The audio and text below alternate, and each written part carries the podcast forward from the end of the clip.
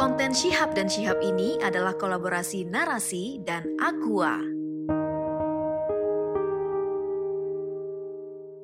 Assalamualaikum warahmatullahi wabarakatuh. Syihab dan Syihab edisi Ramadan kembali menjumpai teman-teman. Saya Nana bersama Abi Kura Syihab dan hari ini kita akan ngobrol-ngobrol dengan Menteri Kesehatan Pak Budi Gunadi Sadikin.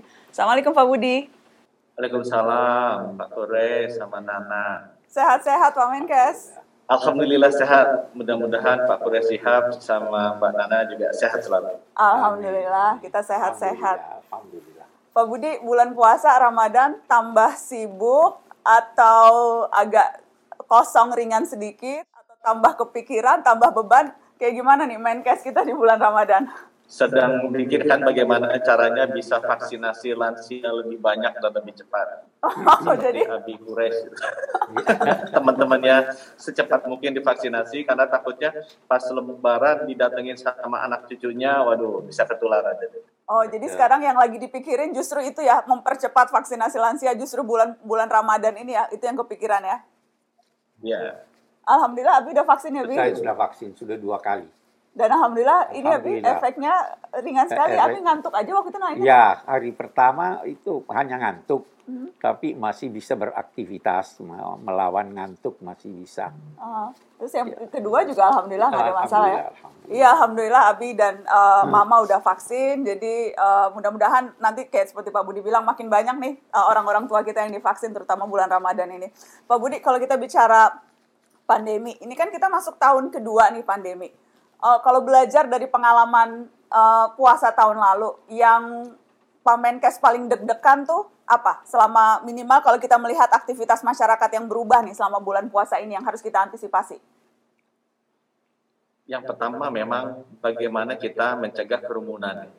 Karena kemarin walaupun sudah terjadi penurunan secara global dalam sebulan terakhir naik tinggi di Eropa, di Asia juga ya khususnya India, Filipina, Papua Nugini, Amerika Selatan juga naik semua. Karena itu tadi, karena orang mulai rileks karena terjadi penurunan, eh, lupa protokol kesehatannya dijalankan dengan baik, kemudian juga ada varian baru yang memang lebih menular dibandingkan yang sebelumnya. Mm. Padahal apa pun variannya, selama kita mentaati protokol kesehatan, pakai masker, cuci tangan, dan menjaga jarak, Hmm. insya Allah harusnya aman. Dan Ramadan dan Lebaran khususnya, terutama dari menjaga jaraknya yang kita mesti hati-hati agar jangan lupa diingatkan. Hmm. Karena kerumunannya banyak kan pada saat Ramadan biasanya. Kalau sholat, taraweh, kemudian nanti pas buka bersama, itu yang mesti dijaga. Mm, mm. Ya ini pengalaman kita eh, Ramadan yang kedua ya, Bibu. Iya. Jadi seharusnya seharusnya kita lebih siap, tapi rasanya memang karena psikologis eh, yang tahun lalu lebih hati-hati, tahun ini mungkin jauh lebih rileks. Abi lihatnya gimana? Oh, iya, memang Se- sebenarnya kehati-hatian itu mestinya selalu menyertai seseorang sepanjang hidupnya. Itulah arti takwa. Takwa itu kan begitu, Pak. Takwa itu berarti berhati-hati menghindar dari segala hal yang bisa menimbulkan eh, ancaman, yang bisa menimbulkan eh, kesulitan, eh, siksa, baik di dunia maupun di akhirat. Hmm. Uh, Sayangnya, eh, sebagian kita hanya menduga bahwa takwa itu hanya berkaitan dengan siksa di akhirat. Padahal sebenarnya takwa itu yang diperintahkan ya eh, menghindar dari apa yang bisa menimbulkan ancaman di dunia ini. Nah, salah satu yang kalau yang kita ingin tekankan di sini apa yang Pak Menteri katakan tadi, kerumunan.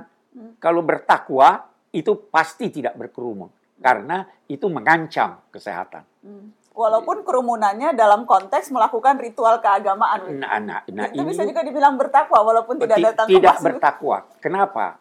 Karena agama memerintahkan kita ada lima tujuan pokok kehadiran agama.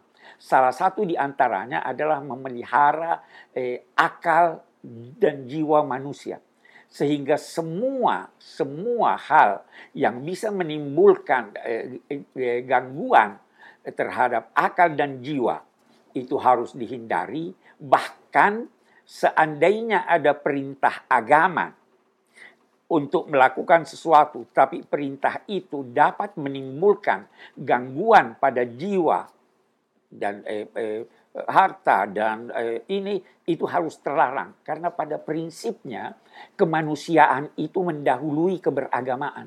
Hmm. Jadi eh, contoh yang sangat eh, jelas itu yang dikemukakan oleh para ulama kalau seandainya kita akan berwudu air hanya cukup untuk berwudu tapi ada anjing yang kehausan. Hmm. Apa kita berwudu atau kasih anjing air? Hmm, hmm. Kasih anjing. Kasih anjing karena kemanusiaan itulah. Mendahului keberagaman. Jadi begitulah tarweh, eh, salat jamaah dan lain-lain sebagainya itu tidak harus dilakukan, bahkan terlarang dilakukan. Kalau itu bisa menimbulkan gangguan, gangguan terhadap diri atau terhadap orang lain. Ya. Nah, itu itu prinsip agama kan begitu. Hmm, hmm. Jadi seharusnya momen Ramadan ini uh, momen kita uh, untuk refleksi dan dan kalau tadi Abi bilang konteksnya bertakwa ya justru menghindar. Seharusnya seperti itu ya Pak Budi. Wah setuju sekali dengarnya saya jadi terharu mudah-mudahan didengar oleh banyak orang gitu. Mudah-mudahan, mudah-mudahan. Ajaran dari Quraisy Hab itu Pak Quraisy Hab.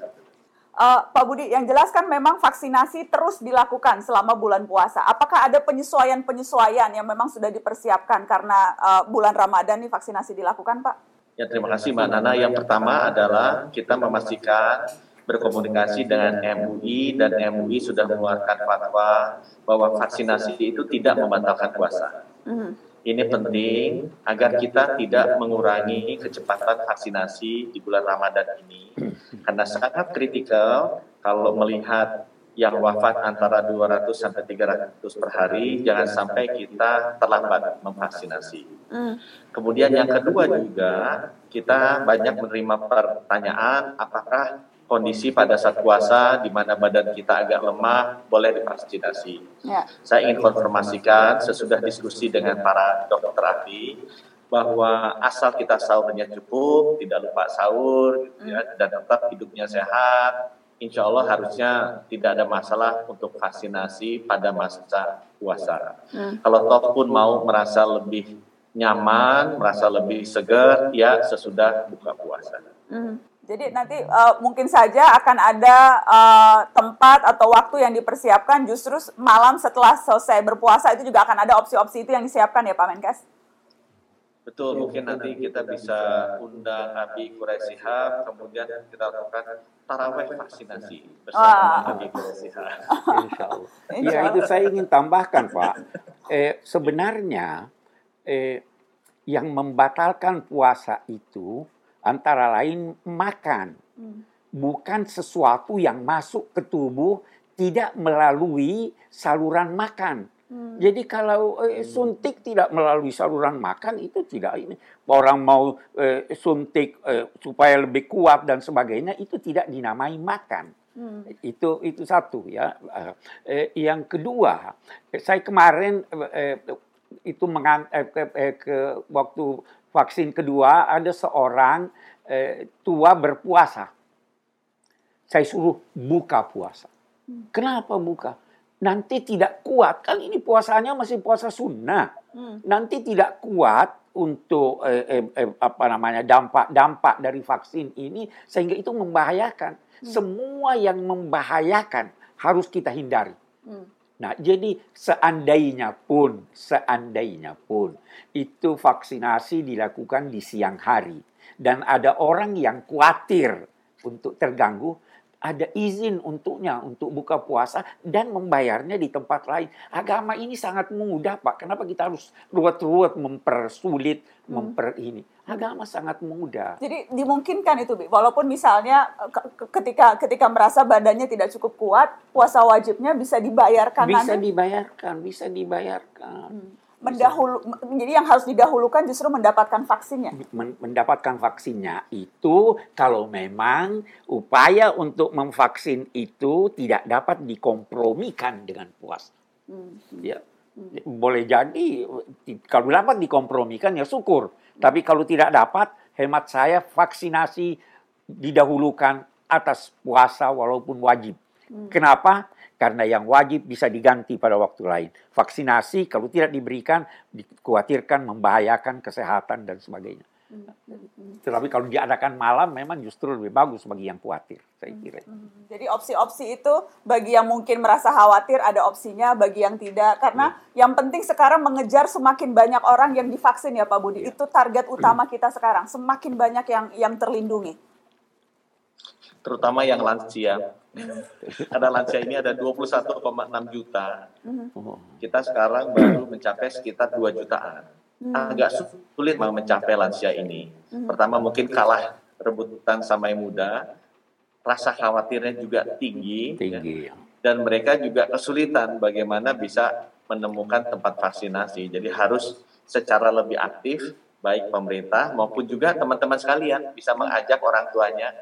Saya kayak Pak Kures Shihab, saya rasa juga pasti diajak sama anak-anaknya untuk vaksinasi. Saya menghimbau Saya suruh, Anak-anak saya yang bukan diajak, Pak. Saya suruh mereka antar saya. Rasanya mungkin perlu itu, Bi. Anak-anak yang masih punya orang tua, Iya, yang masih iya. punya orang tua atau mertua, tolong dibawa divaksinasi. Tolong, karena targetnya masih masih masih jauh di, di- di- yang kita harapkan ya Pak dari 20 juta hanya sekitar 2 jutaan tadi Pak Budi sampaikan ya. Iya, Padahal betul. justru ini kelompok kelompok Kelompok yang prioritas. rentan, ya. Kelompok yang Iya, rentan. Eh, eh, ke Abi, Abi yang jelas kalau soal vaksin itu eh, polemik yang kerap muncul dan diperdebatkan adalah soal halal haram. Walaupun MUI sudah mengatakan ini eh, halal, walaupun jutaan umat muslim di dunia juga sudah mendapatkan vaksin, tapi tidak bisa ditepis masih ada saja tuh perbincangan itu. Eh, Sebetulnya apa yang dijadikan patokan ulama untuk menentukan eh, memberikan hukum atau fatwa soal halal haram suatu penemuan, tidak hanya vaksin, Bis? Eh, iya, jadi halal itu eh, apa namanya? Haram itu eh, harus diselidiki. Kenapa dia haram? Ada sesuatu yang haram, tetapi kalau ada kondisi tertentu, keharamannya terhindar. Saya beri contoh, mungkin ini nanti ada kaitannya dengan vaksin dan eh, unsur-unsur eh, vaksin. Babi, katakan. Babi itu haram. Tetapi kalau keadaan terpaksa, dia menjadi boleh.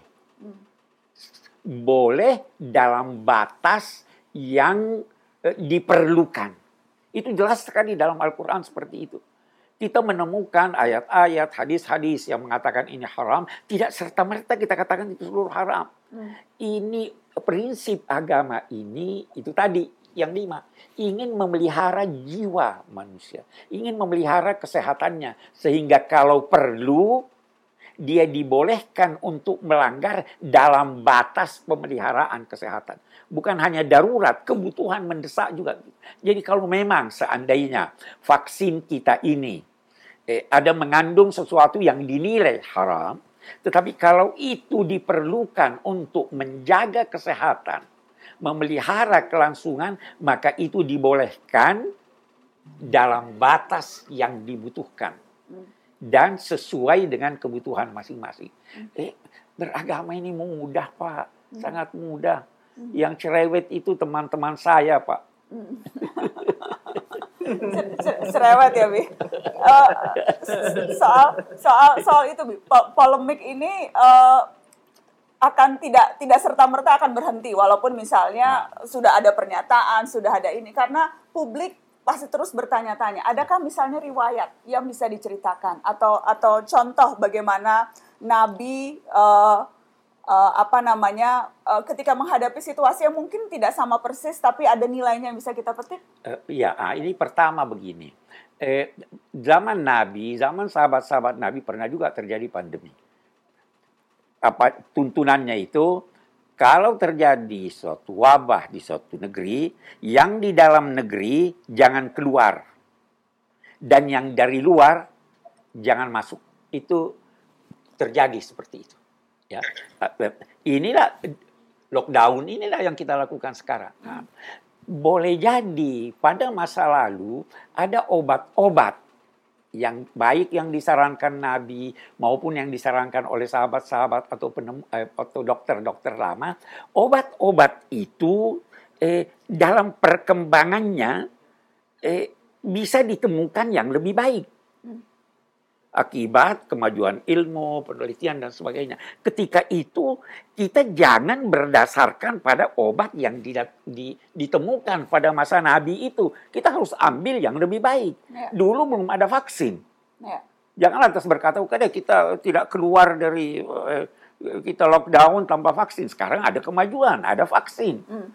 Jadi itu yang harus kita tempuh. Hmm. Kalau tidak, eh, kita terkurung kita dalam satu ini. Gitu. Uh, Pak Budi, uh, kalau kalau Pak Budi melihatnya soal vaksin ini kekhawatiran-kekhawatiran yang masih ada di masyarakat itu itu apa saja misalnya dan bagaimana upaya yang bisa dilakukan agar semakin banyak kemudian yang tanpa ragu tidak hanya membawa orang tuanya datang vaksin tapi justru mengkampanyekan begitu agar agar mau divaksin Pak Bud. Saya sudah melihat lebih dari dua survei memang yang paling tinggi kekhawatiran masyarakat adalah dampak dari vaksinasi ini. Ya. Ada beberapa hal lain juga seperti kehalalan masuk. Ada preferensi bahwa vaksinnya bu bukan buatan negara tertentu, itu juga masuk. Hmm. Itu dari sisi negatifnya. Nah, saya melihat kalau dari sisi positifnya apa? Kenapa orang mau vaksin? Di situ jelas dan tinggi sekali perbedaannya dengan yang sebab kedua. Kalau penyebab orang mau vaksin, kalau dia sudah melihat keluarga dan teman-temannya divaksin. Hmm, iya. Kalau saya mencoba memahami budaya orang Indonesia emang suka seperti itu ya, suka agak ikut-ikutan. Yeah.